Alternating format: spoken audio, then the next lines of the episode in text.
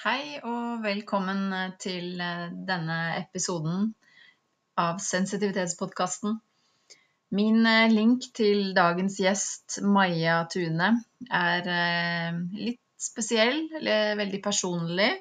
For jeg hadde en storebror som gikk bort for fire år siden, og han ble bare 47 år. Han eh, hadde strevde da, han var veldig høysensitiv, eh, sånn som meg. Strevde veldig fra han var veldig, ganske liten. Fikk tidlig mye medisiner. Eh, levde et nokså mørkt liv med masse medisiner og, og bivirkninger. Og lite eller ikke noe håp om at det var noe som helst som kunne bidra til å hjelpe han. da.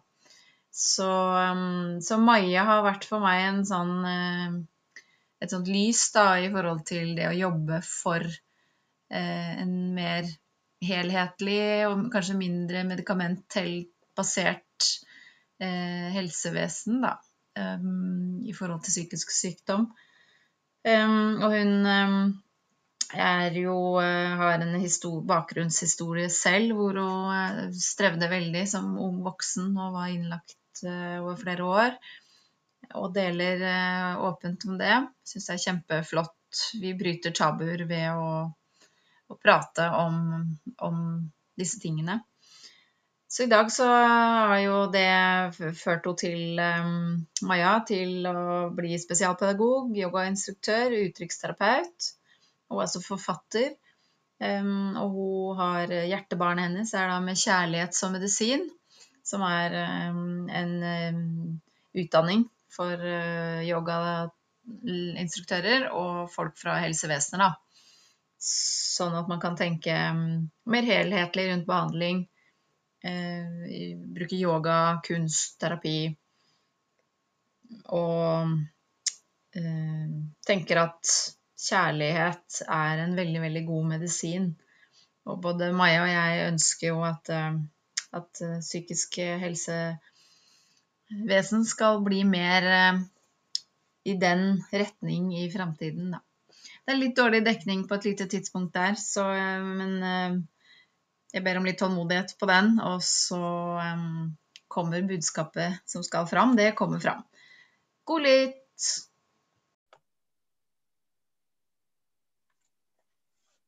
Hei og velkommen eh, til en ny episode av Sensitivitetspodkasten. I dag så har jeg med meg Maja Tune. Eh, så jeg tenkte at eh, du Maja skulle få lov å presentere deg sjøl litt sånn kort i starten. Ja, tusen takk for at du har invitert meg med. Jeg heter Maja, Maja Tune, og jeg har hatt en til nå veldig spennende livsreise, vil jeg si. Eh, og denne reisen har eh, gjort at jeg har fått eh, arbeide med veldig spennende ting, da. men bakgrunnen for det jeg holder på med nå, som i hovedsak er kjærlighetsmedisin og yoga som terapi, det er at jeg selv i ungdomsårene hadde det veldig tøft og var veldig, veldig sensitiv. Jeg kjente på at jeg Jeg tror ikke jeg hadde de grepene den gangen. At jeg hadde lite filter, da. Og følte meg veldig hudløs. Um, og kom inn i psykiatrien veldig tidlig, i en alder av 16 år. Uh, og ble mye inn og ut der, da. Jeg opplevde jo noe sånt som Nå er jeg 43 år. Og når jeg tenker tilbake, så var det jo en veldig viktig reise for meg, og veldig mange vakre opplevelser også, med nydelige sykepleiere og hjelpepleiere og sånne ting. Og ikke minst helt vidunderlige medpasienter som også hadde mye av den sensitiviteten som jeg kunne kjenne meg igjen i. da. Men det var også veldig tøffe tak eh, de årene, fordi jeg hadde så lite håp eh, om at eh, jeg ville klare meg. Og mye av grunnen til at eh, håpet mitt var fraværende, var at eh, jeg ble fortalt at jeg ikke kom til å klare meg så veldig bra da da jeg var 17 år. For da fikk jeg en mm. veldig fin diagnose, schizofreni. Og um, veldig mye medisiner. Og, så jeg var inn og ut i kanskje syv-åtte år. Og fikk hele tiden nye diagnoser og nye typer med medikamenter osv. Og, og jeg ble liksom mer og mer desperat. Hvor liksom, når er det livet mitt skal begynne? Jeg hadde jo ikke eh, Jeg lengta veldig da, etter å liksom mm. studere og kunne bidra med noe i, i samfunnet og blant menneskene. Men jeg var jo veldig mye innesperra og isolert. Og så var jeg ute kanskje en kort periode før jeg kom inn igjen, da. Um, men jeg, altså jeg fikk jo hele tiden en ny diagnose, så jeg har jo vært innom veldig mange av de. og så fikk jeg mye medisiner som egentlig ikke hjalp meg så mye. Altså de dempet mye symptomene mine, men de, de, ble liksom aldri helt bort. Og det gjorde jo aldri noe med årsakene til at jeg var så ustabil og svingte så mye i følelsene mine, da. Hadde vanskeligheter med å kontrollere følelsene mine. Eh, så, men i hvert fall eh, Bakgrunnen for at jeg holder på med kjærlighetsmedisin i dag, er jo den reisen at jeg eh, også underveis erfarte at det var kjærlighet som hjalp meg, da. Det var de menneskene som jeg traff på sykehuset, som gjorde noe litt utenfor boka, eller kjøkkenpersonalet som, som gjemte en plate med kokesjokolade under puta mi, eller som bomma meg en røyk. Eh, det var hjelpepleieren som kom ut på tur i hagen blant epletrærne der. Så det var liksom sånne ting da som jeg Jeg kommer aldri til å glemme det. Og de, liksom, de satte sånne varige, vakre spor eh, innunder huden, den tynne huden min. Mm. Og um, så fikk jeg møte mennesker som jobba utenfor sykehuset, som kunne jobbe mer utradisjonelt da, den gangen. Som jobba mye med kropp og pust.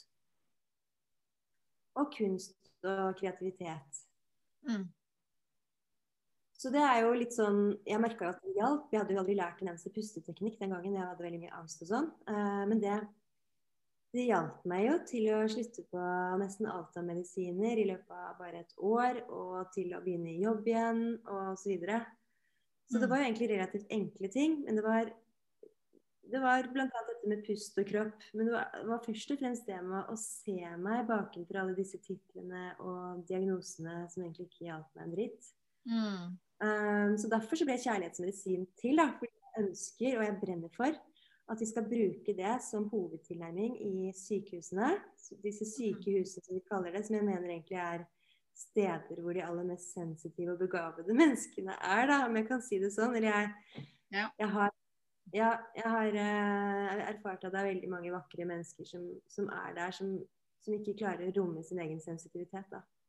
Mm. Og ja, så Det er liksom det jeg brenner for. Nå gjør jeg det i skolen. Får lov til å jobbe med elever her i Enebakk. Jeg flytta tilbake til Enebakk etter 20 år i Oslo. Og det er her jeg vokste opp, så det har også vært veldig sånn ja, hva skal jeg si, Det har vært veldig, det har føltes veldig riktig å komme tilbake igjen. Og nå jobber jeg litt på skolen, på barneskolen her nede. Og jeg føler at det,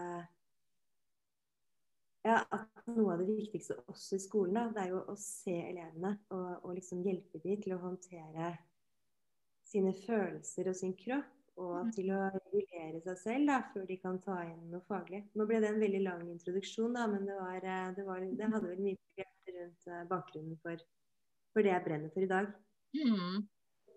Veldig fint. Ja. Um, når du tenker på ordet høysensitivitet eller sensitivitet, hva betyr det for deg, sånn eh, det første du tenker på? Det første jeg tenker på når du sier høysensitivitet, er at man tar inn smaker og dufter og poesi og toner kanskje sterkere enn enn mange andre.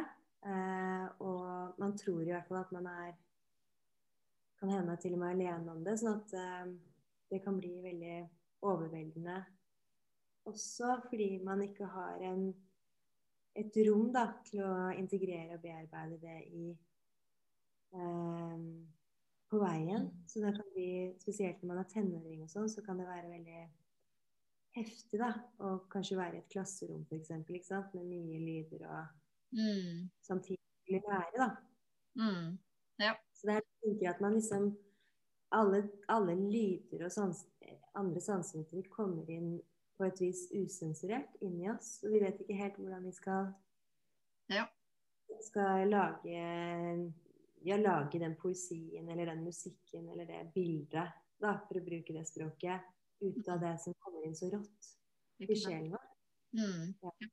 For de sier jo det forskning har vist um, i forhold til hjernen, at den, de inntrykkene oppleves tre til fem ganger sterkere enn um, enn de mindre sensitive hjernene, faktisk. Det er, liksom, det er faktisk mer aktivitet som slår ut uh, i hjernen. Så det Det er veldig spennende å høre, da. Jeg, vet, jeg ville tro at jeg er høysensitiv. Um, jeg har ikke tatt noen sånn test på det, liksom, men jeg har alltid vært veldig følsom. Da, og det var jo mye av det som var strevet mitt når jeg var syk, at jeg ikke klarte å håndtere min, min følsomhet, og jeg ikke fikk um, støtte til det. Mm. Ja. Du, når du tenker tilbake, kan du huske liksom litt rundt første gangene du opplevde at du opplevde verden litt uh, annerledes enn uh, de andre? Jeg husker veldig godt når jeg gikk på videregående f.eks. Eh, så kom jeg inn i en ny klasse, og det så ut som de fleste fant seg liksom til rette i, i dette klasserommet hvor det var veldig mye lyd, veldig mye bråk, eh, veldig mange ja, uregulerte elever, egentlig. Fordi at eh, det var Reform 94 da, den gangen, så at alle hadde krav på, på, skolegang. Og det er jo kjempebra, men det ble også at eh, Jeg husker bare at det var veldig mange som ikke var motivert da, for å gå allmennfag, som jeg gjorde eh, i det rommet. Som liksom kasta matpakkene rundt i klasserommet og hadde på musikk og ikke hadde med seg bøker. Og jeg husker at jeg bare måtte gå ut av det rommet. Jeg husker at jeg, jeg gjemte meg på do og sånn, for jeg bare kjente meg bare så utrolig overvelda og skjønte ikke hva det var som skjedde med meg. da. Hjertet begynte å banke fortere og, jeg ble litt redd, egentlig, av alle mm. de inntrykkene. Mm. Ja. Så, så, da fikk jeg jo etter veldig kort tid en sånn angstdiagnose, da. Men jeg tenker på det nå, så kanskje egentlig det bare var at jeg tok inn så mye, og, og, jeg klarte ikke å sortere og bearbeide det. Mm. Så ble det angst. Mm. mm. Ikke sant. Og så er det det å få hjelp til å forstå det, da. Og at det kan være enkle ting som kan hente en inn mm. igjen. Mm. Så jeg òg ønsker jo den derre bort fra veldig diagnosefokus, bort fra medisiner som eneste løsning med en gang og ja. Mm. ja. For det gir så mange bivirkninger, ikke sant. Det er noe med det at eh, Sånn som i mitt tilfelle, da, så var det jo sånn at jeg følte at ja, OK, jeg er ikke så redd nå, men jeg føler at jeg bor inne i bomull, og jeg vet ikke hvordan jeg skal liksom bevege meg inn i dette bomullsrommet. Mm. Så det liksom det tok jo bort Det som er at man tar bort kanskje det stygge, det som er skremmende medisin. Man tar jo også bort det vakre og det skjønne, da. Så man føler seg litt, sånn, litt snytt, egentlig. Fordi at uh, det var ikke egentlig det man ønska seg. At uh, liksom alt det vakreste Og det er vel kanskje gaven da, med å være så sensitiv. At uh, man også har tilgang på det veldig det veldig finkornede. Mm. Ikke sant. Både sterkt mørke og mm. sterkt lys. Mm. Um, og så jobber jeg litt i forhold til den ja. podkasten. Ja. Eh, med å eh, snu det til noe positivt, da. Så hvis du mm. tenker på fordelene, hva er dine, dine største fordeler eller ressurser i forhold til det å være sensitiv?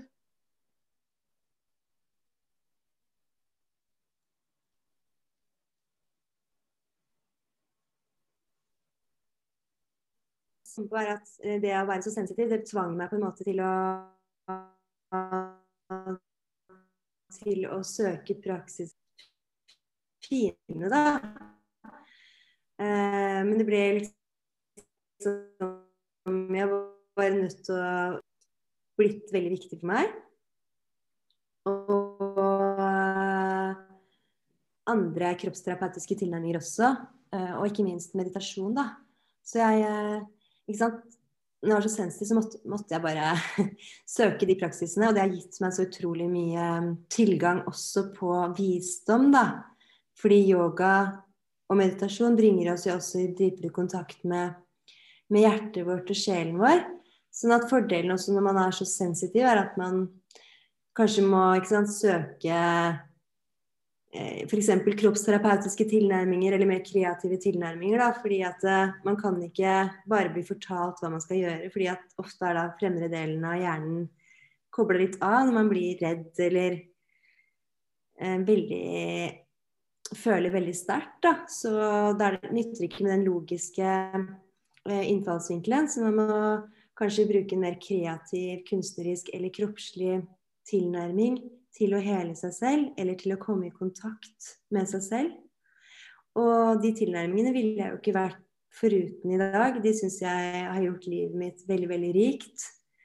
En annen ting som jeg opplever at, at det å være sensitiv eh, Altså som jeg opplever at det er ressursen i det å være sensitiv, det er at jeg kjenner veldig eh, Jeg kjenner veldig fort inni meg om noe er riktig, da, eller feil. Jeg kjenner at jeg, jeg har en god kontakt med intuisjonen min. Sånn at um, det har jo leda meg inn på en veldig sånn spennende livsreise. Fordi jeg følger jo mer intuisjon og hjerte enn en logiske den logiske delen av hjernen. Hjernen den er jo med, men, men det å være liksom føle hjertet og følelsene De får være med, da, som mm. viktige veiledere. Mm. Og den siste, siste ja, det er sikkert enda flere ganger, men den siste som jeg vil nevne, det er at jeg kjenner at jeg kan ta inn hvordan andre mennesker har det. Og siden filteret er så tynt, da, så kan jeg kjenne ganske sterkt hvordan andre mennesker har det. Og det er jo det er jo en gave, for da kan man jo lettere hjelpe de menneskene som er rundt en. Mm. Utfordringen er jo da å kjenne også kontakt med grenser, som man kanskje ikke har like god kontakt med hvis man er veldig veldig sensitiv. da. Fordi grensene er litt mer sånn ja, tynnere. Mm. Så arbeidet mitt har jo også handla veldig mye om å etablere gode, gode søyler rundt, eh, rundt det som er meg, da. Sånn at jeg kan åpne og lukke dørene til andre når jeg selv ønsker det. Mm. Ja. Mm. Jeg holder jo fortsatt på med det, for all del. Det er ofte at jeg bare ja, er litt sånn grenseløs. Mm. Og det er på godt ord. Mm. Ja, ikke sant.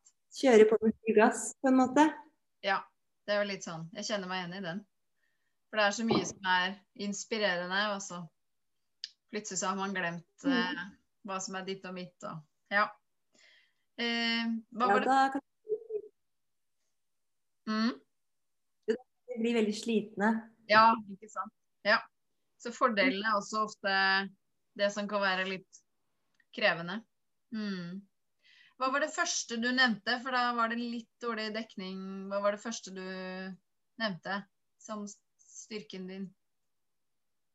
Altså at jeg har eh, Det har ført meg inn til tilnærminger eh, måter å møte meg selv på, som yoga og meditasjon, og ikke minst kunst- og uttrykksterapi. Og de har eh, gitt livet en sterkere dimensjon, da. For jeg kjenner at jeg har fått mer kontakt med hjertet og min calling, hva som er min, mitt mm. livskall, da. Ja. Mm. Mm. ja. Og hvordan eh, Nå var det vel kanskje litt det vi var inne på, da, men i forhold til kunsten Jeg vet du er opptatt av kunst og skrevet noen bøker og noe dikt, eh, en diktbok, eller? Jeg har skrevet um, en bok uh, om livet mitt når jeg innlagt, som heter 'Jeg har en drøm', som kom ut i 2004. Mm. Så det er kjempelenge siden. Mm. Og uh, så har jeg skrevet to diktsamlinger. En som heter 'Pille trille karusell', og en som heter 'Tilblivelse'. Mm. Og så har jeg skrevet en sånn fagbok da, sammen med en psykiater som heter um, Gunnar Egeberg. Og den boka heter 'Yoga som terapi'. Mm. Så bra. Eh, hvordan bruker du sensitiviteten din inn i, inn i dette arbeidet, kunsten og Hvis det går an å beskrive det. ja. Um, jeg um har jo brukt kunst- og uttrykksterapi mye i, i møte med folk som sliter uh, med svingninger i følelseslivet sitt, sliter med å regulere seg selv, eller folk som er veldig traumatiserte. da. Mm. Og det å være sensitiv i det arbeidet, det gjør at man kan ta inn hvor gruppa er kanskje litt lettere, da. Så at man vet hvilke uttrykk man f.eks. skal begynne med, eller hvordan man skal møte de da, Mm. eh, når de går inn i en sånn kreativ prosess. Og i forhold til mitt eget kunstneriske arbeid Nå holder jeg jo f.eks. på med en, en bok som heter 'Kjærlighet er medisin'. Da er jo det det å ha altså den sensitivitet, sensitiviteten en, en stor gave, da. Fordi den sensitiviteten gjør at jeg får et veldig sterkt uttrykksbehov. Det er akkurat som den ber om uttrykk. Mm. Og da syns jeg det er fint å kanalisere den sensitiviteten inn i språket, da, eller ordene, poesien. Mm. Mm. Det er vakkert. Mm. Hvis du skulle dele noen eh, favorittverktøy eller noen tips til, eh, til lytterne i forhold til hvordan du balanserer deg sjøl, pusteøvelser, eller har du noen gode verktøy? Det er så utrolig mye. Um, ja, det er utrolig mye. Men for meg så i dag, da, så er det egentlig det å ha et morgenrituale som er med på å sette tonen for dagen min. Eh, og det er det å ha mer struktur i livet mitt enn det jeg hadde tidligere. Fordi siden jeg da er sensitiv og har veldig mye ideer og store visjoner og sånn, så kan det noen ganger lett Ja, noen ganger bli for mye. Men det å ha en god ramme rundt dagen, det er med på å gjøre at jeg kan, kan bruke den sensitiviteten på en best mulig måte. Og ikke minst det å ha et morgenrituale. Det gjør at jeg liksom får med meg eh, Ja, hva skal jeg si? Det er liksom sånn stort ord, jeg føler at jeg kommer mer i kontakt med kjærligheten inni meg, da. Når jeg har de morgenritualene gjennom å meditere og skrive og gjøre yoga om morgenen. Og da Altså kjærligheten, med kjærligheten så mener jeg altså det å, å kjenne hjertet mitt og kjenne kontakten med det dype, dype som er meg, da. Mm. Og da liksom blir det noe mykt å møte dagen med, og det blir ikke stress, og det blir ikke hardt. Og da kan jeg lettere connecte med også det, det myke og det vakre i de menneskene jeg møter, da. Så jeg syns det med morgenritualet som jeg har hatt eh, i flere år nå, det har liksom gjort at livet mitt har blitt mye mer mye enklere. Mm. Mm. Eh, så er det jo selvfølgelig det å puste, da. Og da tenker jeg det er så forskjellig hva som virker på, på oss. Men det med å, å liksom kjenne kroppen og kjenne pusten og kanskje gå barbeint når man har muligheten til det. Eh, bare kjenne fotsålene ned mot mose, eller kjenne føttene ned mot sand. Det er med på liksom å gjøre at eh, tankekverna og, og, den intensiteten i det emosjonelle da blir litt ja, Den avtar noe, sånn at jeg kan komme i kontakt med min ja, essens, min væren um, på et uh, dypere nivå, da. Og um, ellers så syns jeg det er veldig fint å være sammen med dyr. Jeg har to kattepuser, Mons og Luna. Mm. Og de er veldig med på å få tilbake til meg selv. Så egentlig alt som handler om sanseaktivering, da, eller det å som vinteren, så det å tenne i peisen, se på flammene, kose med kattene Jeg elsker hest, så det å ta meg en ridetur Mm. Veldig sånn jordnære ting. Kanskje det å bake. Altså gjøre sanselige aktiviteter, da. Noen ganger er det å rydde også veldig fint, syns jeg. Mm. Fordi det er med på å skape en, en struktur igjen. Mm. Og det gjelder egentlig mennesker som jeg jobber terapeutisk med også. Da tenker jeg liksom sanse, sanse, sanse. Hvordan hjelper det til å komme i kontakt med sansene? For da kommer man mer i kontakt med her og nå. Mm. Mm. Øyeblikket her og nå. Ja. Kjempefint. Mm. Um, og så tenker jeg at uh, til den um, delen å være sensitiv, så er den spirituelle, åndelige biten er ofte viktig for eh, sensitive. Hvilken rolle spiller den for deg, og har den spilt i livet, på livets reise? Den spiller jo veldig, en veldig stor rolle i livet mitt. Jeg vet ikke om jeg ville vært i live engang hvis jeg ikke hadde hatt troen på at det var noe mer. Mm. Eh, troen på at det var en kjærlighetskraft eller en, en god kraft, da.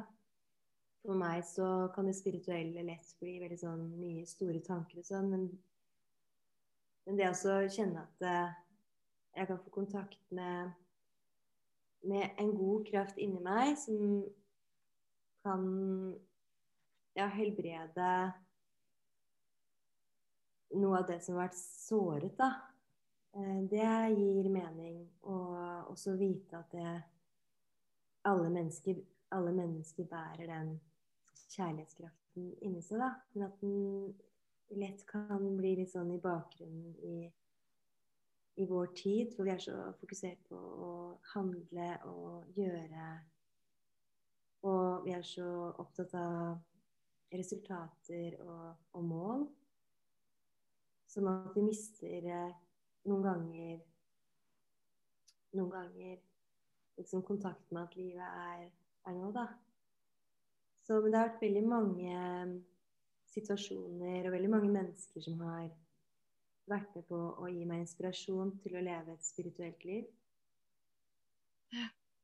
Som jeg da har møtt på på veien. Sånn at jeg liksom Jeg bestemte meg for å virkelig satse på livet da når jeg var 25 år. Mm. Fordi jeg kjente at hvis jeg, hvis jeg, fortsetter å være her inne, så blir jeg helt, helt sinnssyk. Det var vel det de tenkte det var, da, men, men da blir det bare helt da, da, dør jeg, liksom. Ja. Så bestemte jeg meg for å leve. Mm. Så jeg tok kontakt med en kroppsterapeut som moren min hadde truffet på, på sykehuset hvor hun jobbet som sykepleier. Og så spurte jeg henne, husker jeg på første samtale, tror du på engler? Uh, og så sa hun ja, det tror jeg. Jeg tror på engler. Men jeg tror at hvis jeg skal hjelpe deg, så må du tørre å skrive deg ut fra sykehuset. Og da når jeg liksom hadde tatt det valget inni meg, så, så, begynte veldig mange ting å skje. da. Sånn at jeg, jeg traff henne og skulle på en terapitime, og jeg var der i en hel helg. og ja. vi reiste jorda rundt sammen. Var i India, var masse i Sina i ørkenen. Vi reiste veldig mye sammen. Bodde sammen i to år, tror jeg. Ett og et halvt eller to år. Og det, det liksom, da tenker jeg liksom, Det spirituelle i det er jo det at eh, jeg våget å liksom ta et valg. Eh, våget å satse på livet og det friske og det lyse og det gode. Mm. Og da kom det en hjelper til meg. Og etter henne så var det flere da, mennesker som skulle komme på min vei og vise meg noe som var veldig helende for mm. Og slik kan jeg se tilbake på at det hele har vært et mønster på et vis som var helt riktig for meg. Og jeg ser nå at det var veldig meningsfullt også det at jeg måtte gjennom disse sykehusinnleggelsene. Kanskje mm. nettopp for å vise at det fins en annen vei, da. At det ikke er nødvendig å stenge inne de aller mest sensitive menneskene. Det tror jeg virkelig ikke. Mm. Når det er sagt, så tenker jeg at noen mennesker har utfordringer som er såpass store, kanskje pga. traumer eller andre påkjenninger, eller kanskje pga. deres biologi, det vet jeg ikke, men at de vil trenge medisiner og sykehusopphold i en periode av livet. Mm. Men jeg tror det er veldig viktig å først prøve det som er vår natur, da. Først prøve liksom å hjelpe våre medvandrere eller våre medmennesker inn i kroppen og inn i kontakt med hjertet det å gi de mm. modaliteter, om det så er kanskje hester, om det er katter, om det er yoga, om det er å løpe i skogen. Mm. Eh, før man eh, serverer eh, mange cocktails da, med, med, medisiner som gjør at vi liksom mister, mister muligheten til å, å, komme i kontakt med den sterke kraften, som jo er den som skal transformere oss og helbrede oss. Mm. Mm. Ja, nydelig. Eh, sånn avslutningsvis, hvordan eh, ser vi, du og jeg, eh, for oss framtidens psykiatri? Hvordan skal ja. Jeg må si at jeg jobber jo og tar ekstravakter på en akuttavdeling nå, eh, som heter Post 3A. Og den er utrolig fin. De har åpnet dørene eh, de siste året. De er med i noe som heter Open Door-prosjektet. Og jeg syns jo det, når jeg er der, at det er utrolig mye fint som skjer, og det er en veldig sånn human tilnærming da, til folk som sliter. Jeg syns jo dog at det er uh, mye fokus på medisiner fortsatt, så jeg håper jo at uh, det skjer endringer der også. At man går gå litt mer bort fra det. Eh, eller gjør det i mindre grad. Ja. Um, og så håper jeg at eh, vi liksom skal slutte med å ha de store skillene mellom hjelpere og pasienter. For jeg tror det er liksom veldig mye å hente på å la de såkalte pasientene også få lov til å vise vei. For de har ofte veldig store gaver og en veldig Mm. sånn sterk kontakt da, som vi som hjelpere kan nyte godt av å bli kjent med. Um, og så tror jeg på ja, også åpne dørene, men det er jo også metafor, ikke sant? Å åpne dørene, sånn at vi kan liksom bli bedre kjent med hverandre bakenfor diagnosene. Mm. Egentlig at mye av psykiatri må foregå i natur. I naturen. Mm. Med, med, med dyrking, med teamwork, med samarbeid. Ja. Eh, alle de tingene som vi vet at det er eh, Som det er mye forskning på i dag òg, da. At det er um, helbredende. Helbredende. Mm. Og omsorg. Ja. At vi tør å gi omsorg til folk som er psykisk syke. At vi liksom tør å ta på dem og Mm. Så at de får kontakt med, med berøring. Det er jo veldig viktig å bli tatt på. Ja, ikke sant. Hvis ikke så dør man jo. Healing, det også. Ja. Mm. Mm. ja, det er herlig. Vakkert. Ja. Er det noe mer du ønsker å si sånn helt eh, avslutningsvis? Eh, ja, jeg tenker jo at det er viktig for meg å si at eh, hvis det er folk der som hører på som sliter med mye angst f.eks., eller er veldig sensitive, da, at det er veldig mye håp. Og at det er veldig mye å hente fra mennesker som selv har gått veien, erfarere, som eh, har kjent på dette her, men som klarer å leve med det i dag. Og som har funnet et rom inni seg hvor dette her får lov til å leve og skape noe viktig, noe vakkert, noe rikt. da, Og at eh, det også kan skje med deg, om du er den som er veldig, veldig Mm. så kan du også få muligheten til å, til å skape et sånt rom inni deg hvor den sensitiviteten ikke skal sykeliggjøres, da, men Ja. kan få bli brukt til noe vakkert. Det er alltid håp. Mm. Ja. Mm. Absolutt. Ja. Tusen, tusen hjertelig takk. Da tenker jeg at vi um, må runde av for i dag. Så um, tusen takk, Maja, for at du har delt. Det er masse, ja, masse visdom, og hjertet mitt gløder av å høre på det. Mm. Hyggelig. Det var veldig fint å, å dele dette her, som Ja, jeg brenner for. Mm. ja, det er bra. Det er viktig også. Mm. Tusen takk. Da sier vi takk for i dag. Ha det.